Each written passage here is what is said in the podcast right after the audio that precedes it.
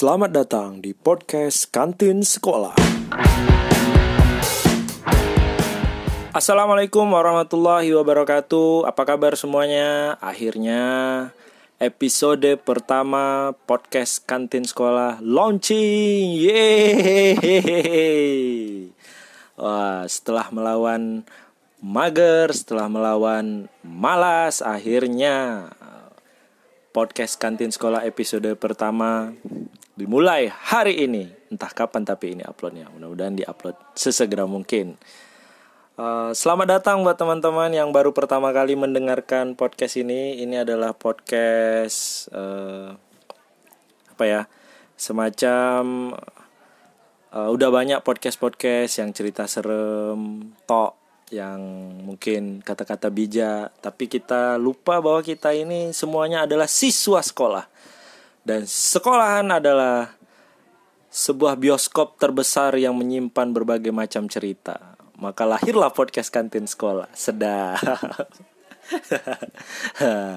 Jadi eh, kenapa namanya podcast kantin sekolah ya? Karena nanti di podcast ini isinya adalah segala sesuatu tentang sekolah Eh, semua cerita tentang uh, waktu kita sekolah dulu atau mungkin kalian lagi sekolah sekarang kalian punya cerita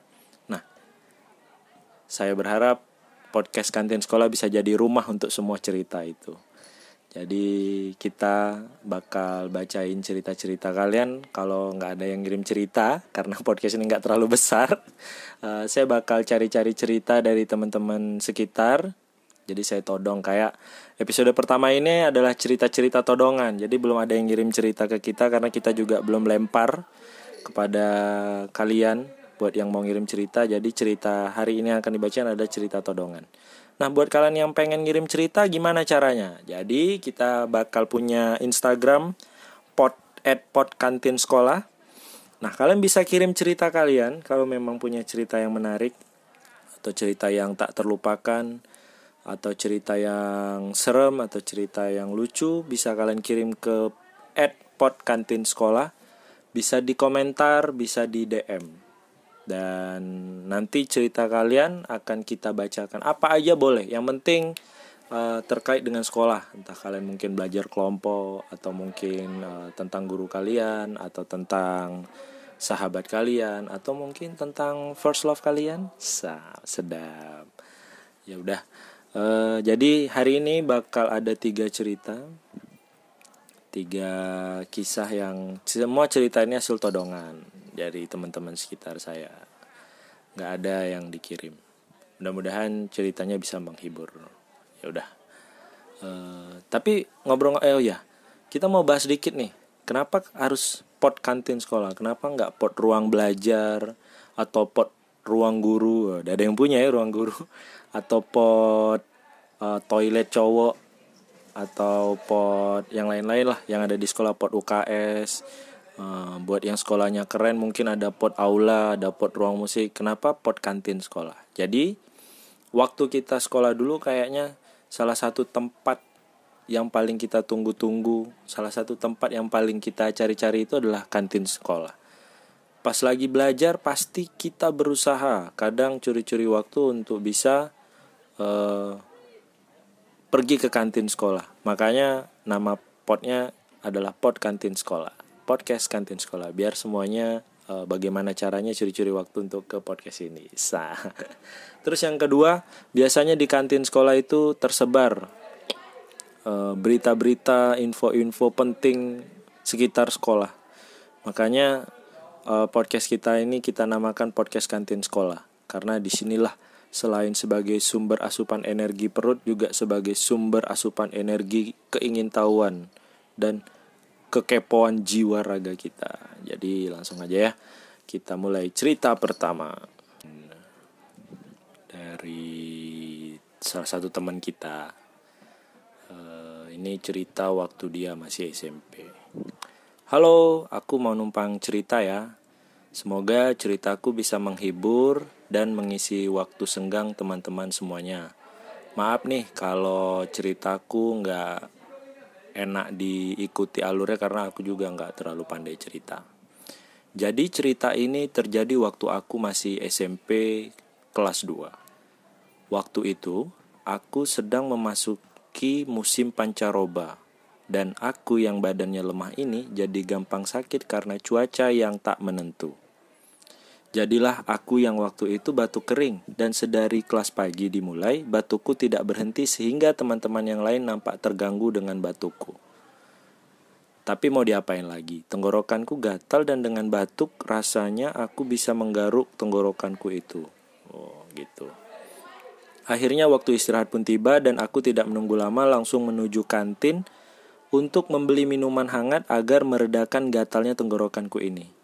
Sembari aku duduk sambil meminum air hangat, datanglah temanku sebut saja Andi. Lalu duduk di sampingku dan berkata, Udah lama batuknya bro, Baru dua harian ini di, tapi hari ini kayaknya makin parah. Jawabku waktu itu. Lalu Andi ngomong, udah minum obat belum? Kalau belum, aku ada obat mujarab yang bisa ngilangin batuk kamu. Aku sambil terheran menjawab belum, karena emang aku paling males mau ke puskesmas dan paling males minum obat. Akhirnya Andi pun melanjutkan pembicaraan, ya udah, sini aku buatin obatnya. Sambil beranjak pergi meninggalkanku yang sedang menikmati minuman hangatku tadi. Dalam hati aku berpikir, buatin obat. Bener nggak nih anak? Bisa buat obat. Salah-salah nanti overdosis pula. Salah obat. Aku lihat Andi masuk ke warung bude soto dan meminta kecap serta jeruk nipis, lalu meminjam sebuah sendok. Tanpa banyak bicara, kayak yang paling paham gitu, dia langsung mencampur kecap dan jeruk nipis ke dalam sendok lalu memintaku untuk menelan ramuannya itu. Aku yang awalnya ragu karena melihat hanya kecap dan jeruk nipis saja jadi nggak terlalu takut untuk meminum yang katanya Andi obat itu. Lalu aku minum dan setelah aku minum ada perasaan lega dan tenggorokanku seperti dipahat kuman-kumannya ikut jatuh ke lambungku bersama dengan kecap dan jeruk nipis itu. Batukku masih ada, namun durasinya semakin berjauhan antara batuk satu dan batuk lainnya, tidak seperti pagi tadi yang bertubi-tubi. Namun aku masih berpikir, ah ini barangkali hanya karena minuman hangatku tadi, bukan karena obat yang diberikan Andi. Lalu bel tanda masuk pun berbunyi.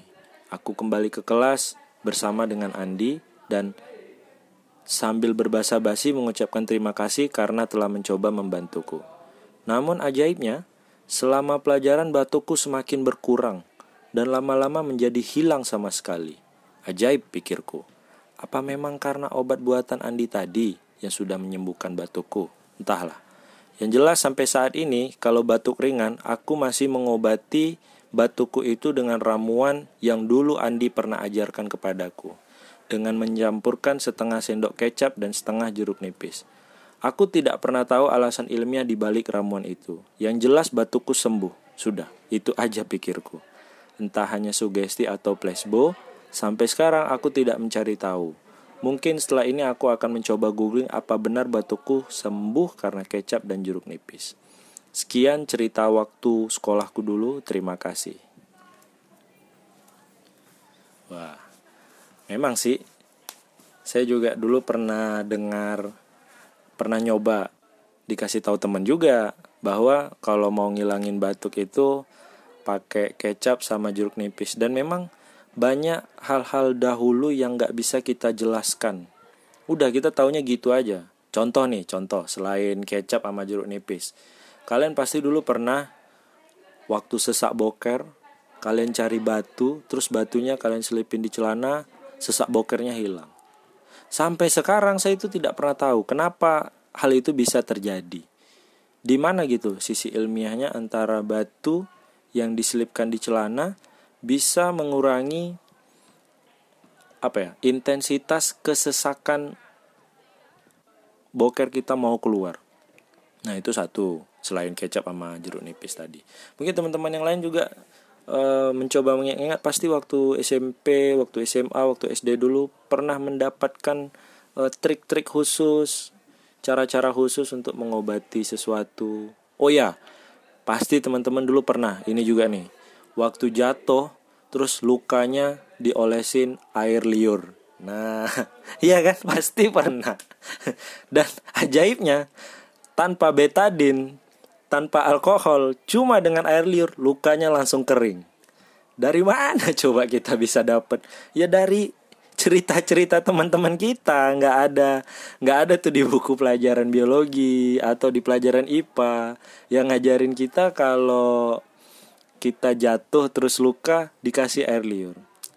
Dan baru ke sini ke sini nih kita tahu tuh ternyata air liur itu kan mengandung uh, enzim dan bakteri yang membantu uh, mengurangi infeksi atau melawan kuman-kuman. Karena kan waktu kita makan tuh makanan kita itu udah diproses di mulut.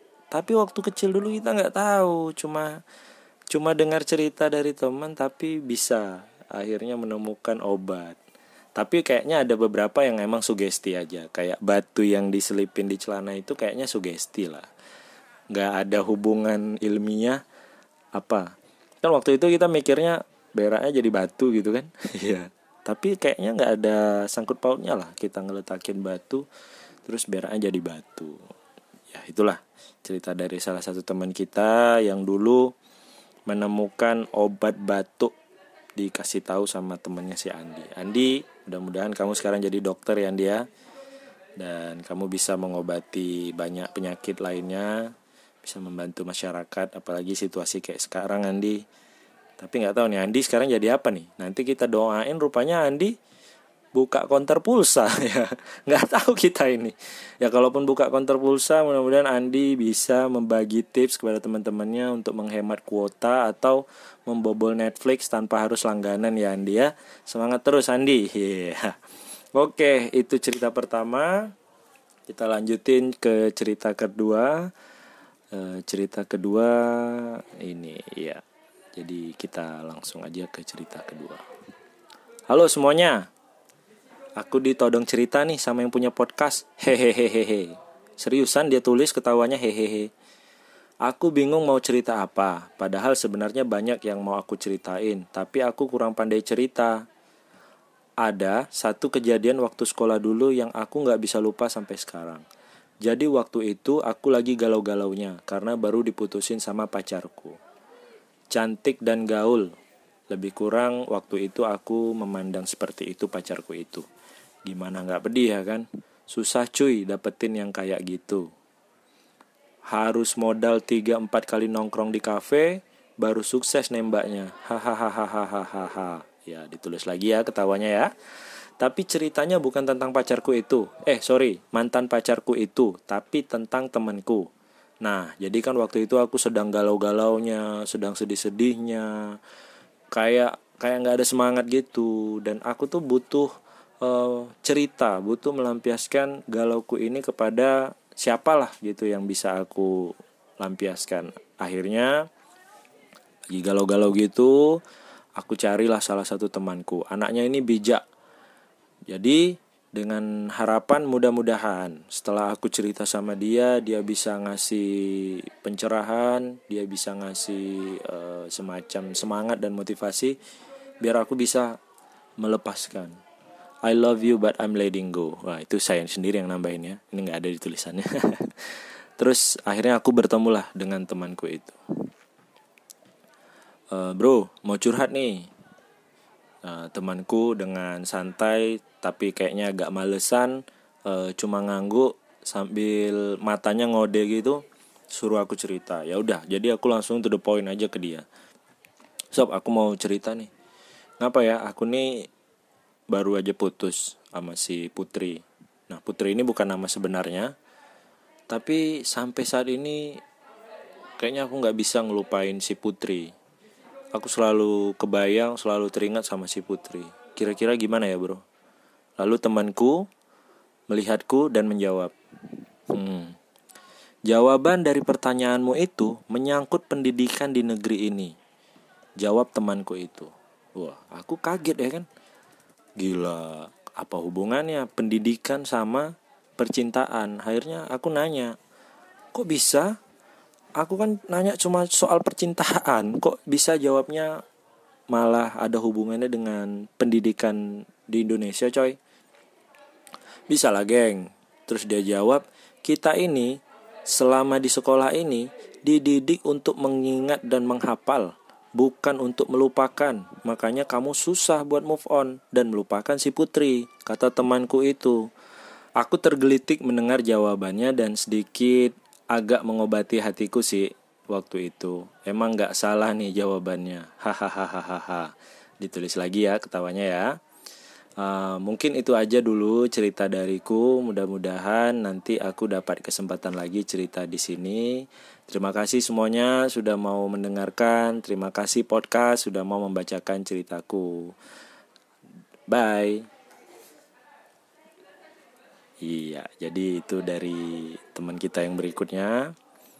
Uh, tapi menarik sih yang dia ceritain dan saya saya akui itu temannya beneran bijak Uh, padahal temannya cuma minta tips receh-receh aja tentang percintaan, tapi malah jawabannya sekelas jawaban di Indonesia Lawyer Club ya. Jawabannya tinggi betul, malah dihubungkan sama pendidikan di Indonesia. Tapi kayak kita semua setuju kalau pendidikan kita di Indonesia uh, untuk pendidikan pada umumnya ya kita yakin ada sekolah-sekolah yang bagus, tapi kita mencoba untuk mengambil yang kebanyakan. Kita di sekolah itu hanya ditugasi untuk membuka buku, melihat apa yang ada di dalam buku, lalu mengingat apa yang ada di dalam buku, baik itu mau pelajaran sosial kah, pelajaran bahasa kah, atau pelajaran uh, IPA-nya. Jadi kita tidak dikasih ruang untuk mengembangkan apa yang ingin kita ketahui. Semuanya hanya berdasarkan buku. Jadi jawaban teman kamu nggak salah dan kayaknya memang waktu sekolah dulu tuh banyak teman-teman kita yang uh, kapasitas otaknya itu jauh melebihi teman-teman di sekelilingnya. Teman-temannya setingkat SMP, tapi ada teman-teman kita yang kapasitas otaknya itu udah setingkat uh, filosofi-filosofi di tingkat universitas. Ya, jadi mudah-mudahan uh, nggak galau lagi gara-gara putri, bisa move on. Kayaknya udah kayaknya teman saya ini udah dapat yang baru sih udah nggak sama nggak nggak kepikiran putri lagi. Setelah putri kayaknya ada 35 mantan dia berikutnya kayaknya udah nggak gabung lagi sama si putri.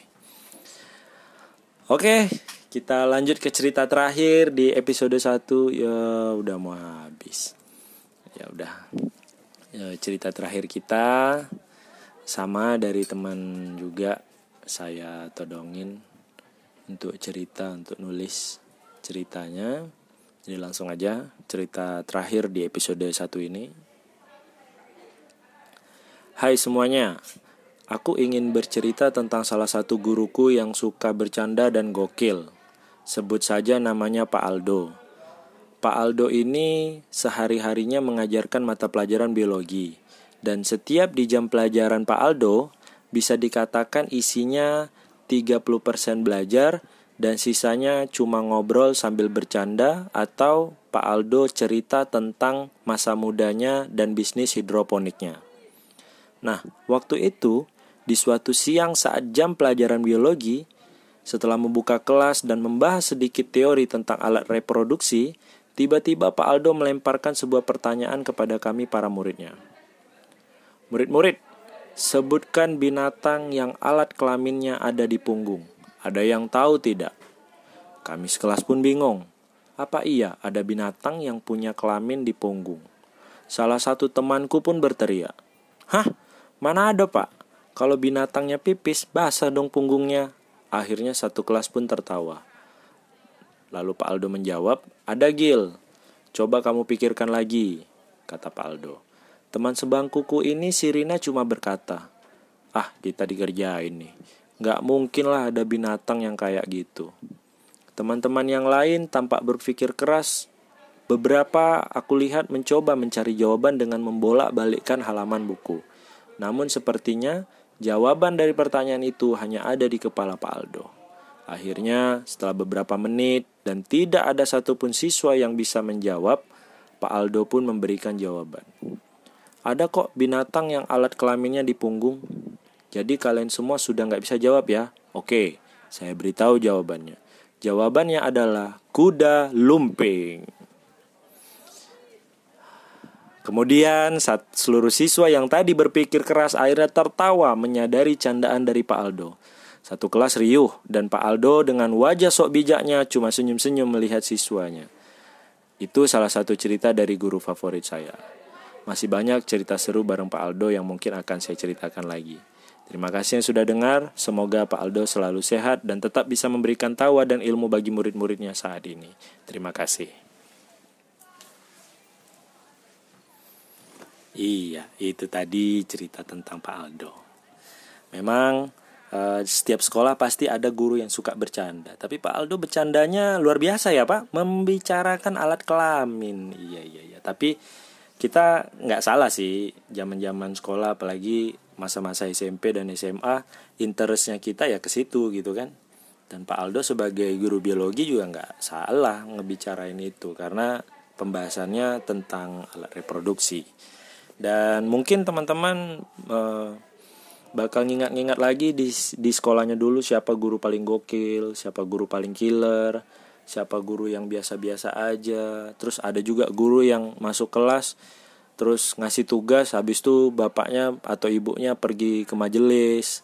Terus balik lagi cuma ngumpulin tugas habis itu kelas selesai. Ya jadi macam-macam guru. Tapi biasanya guru-guru gokil gini yang nggak pernah kita lupa selalu ingat dan kalau kita reuni pasti yang kita cari itu kalau tidak guru yang lucu yang gokil guru yang killer biasanya dua guru itu yang uh, membekas di ingatan kita kayak Pak Aldo ini. Nah, saya saya saya saya juga pernah punya tuh guru kayak model-model Pak Aldo. Nanti dia buka pelajaran sebentar kan. Assalamualaikum, uh, kita hari ini bahas ini bahas ini. Nah, jadi gini, bapak tuh di rumah punya ikan. Ikan bapak, alhamdulillah sekarang udah bertelur. Ini kalau tak ada halangan nih bulan September nih bapak nambah 300 ekor. Ada yang kayak gitu gurunya. Dan kita suka gitu kita siswa-siswa suka kalau ada guru yang malah ngobrol tidak belajar tapi nilai aman nah itu kita suka model-model Pak Aldo ini kita suka nih jadi mudah-mudahan uh, guru-guru seperti Pak Aldo ini semakin ramai tapi dengan tetap tidak meninggalkan tujuan utamanya itu belajar kan ada, tadi ada 30 persennya belajar itu udah cukup lah ya nah mudah-mudahan Pak Aldo sehat selalu dan Pak Aldo selalu menebar kebahagiaan kepada siswa-siswanya dan Pak Aldo bisa uh, semakin makmur ya Pak Aldo ya karena guru alhamdulillah sekarang juga semakin berjaya dan sejahtera. Ya jadi itu aja cerita kita di episode satu kali ini. Terima kasih loh yang udah mau dengerin sampai akhir, sabar. Mungkin cerita-ceritanya masih kurang uh, seru nggak nggak nggak terlalu heboh ya, mohon maaf. Kalau kamu merasa punya cerita seru, punya cerita keren, atau punya cerita yang ingin dibagi, nggak harus seru, tapi pengen dibagi nih, pengen dunia tahu, cile dunia, pengen orang-orang tahu cerita kamu, kamu bisa kirim cerita kamu ya. Kita tunggu ceritanya di Instagram @podkantinsekolah. Tik searching aja pod @podkantinsekolah. Kamu boleh cerita di komen, kalau ceritanya panjang kamu boleh cerita di DM. Terima kasih sekali lagi dan mohon maaf kalau ada kekurangan di sana sini. Mudah-mudahan uh, kita bisa lanjut ke episode-episode berikutnya sampai episode-episode 1000 mungkin sampai episode 2000. Mudah-mudahan kita bisa terus bersama. Terima kasih. Assalamualaikum warahmatullahi wabarakatuh. Sampai jumpa lagi di podcast podcast kantin sekolah.